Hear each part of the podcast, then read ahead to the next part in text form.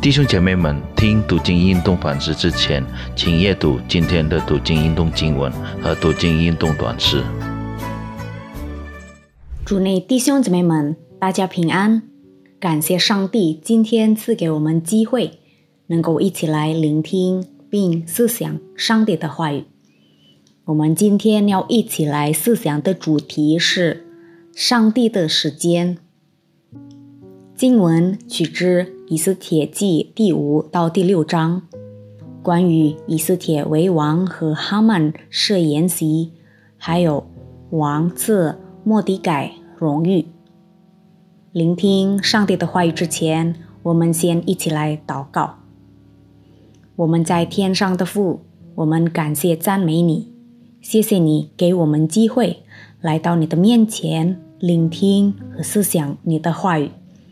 求你的灵运行，安静我们的心灵，除去心里的烦扰，让我们能清心等候你的话语，预备受教的心，成为一个愿意为上帝话语改变的顺服的人。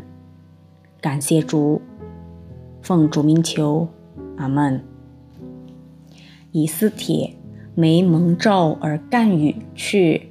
见王的勇气，是因为亚哈随鲁王在对待王后方面没有好的名声。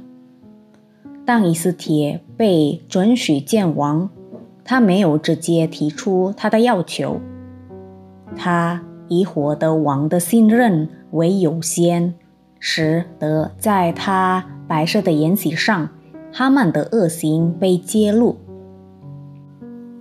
以斯帖。还不敢提出他的要求，因而他接二连三的白石宴席来拖延时间。他要揭露他的秘密，但由于还不是时候，所以说不出口来。为此缘故，上帝牵引他单个说出心里话。哈曼是一个尊荣狂。莫迪改不愿跪拜的行为使他觉得被轻视而恼怒，但是上帝使哈曼忍住对莫迪改的痛心，没有直接发泄他的怒气，以致最终上帝的计划成全了。实际上，问题的根源不是莫迪改的态度，而是自卑感使哈曼要求更多的尊荣。这座木架用来将莫迪改挂上，体现出有尊荣狂的哈曼的恼怒。但是，上帝的时间是对他的子民最好的，没有任何人能预测到的。有一天晚上，亚哈随鲁王睡不着觉，他吩咐人念给他历史书，其中有关于。莫迪改的报告记录就是批探和提列策划杀害王。王觉悟到莫迪改为他的功劳还没有接受任何的奖赏，王就命令哈曼赐给他恰当的对待。对于哈曼来说，当他应该赐给他的大敌赏赐的事件，对他是莫大的。耻辱，他的妻子和顾问们是赐时间为他的将来，也就是哈曼必定不能胜过莫迪改。以斯帖延迟对王的请求，是上帝制定恰当的时间来荣耀莫迪改。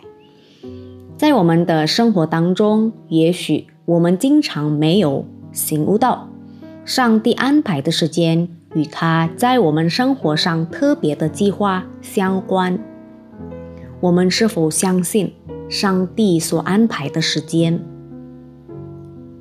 我们祷告，主耶稣，谢谢你今天的话语，教我们要相信你所安排的时间。当我们很难相信你的时间，求你赦免我，同时也求你赐给我们力量。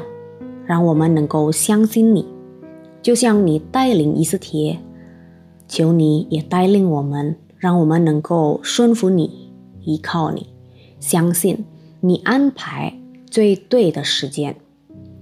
谢谢主耶稣，我们祷告是奉靠主耶稣的生命祈求，阿门。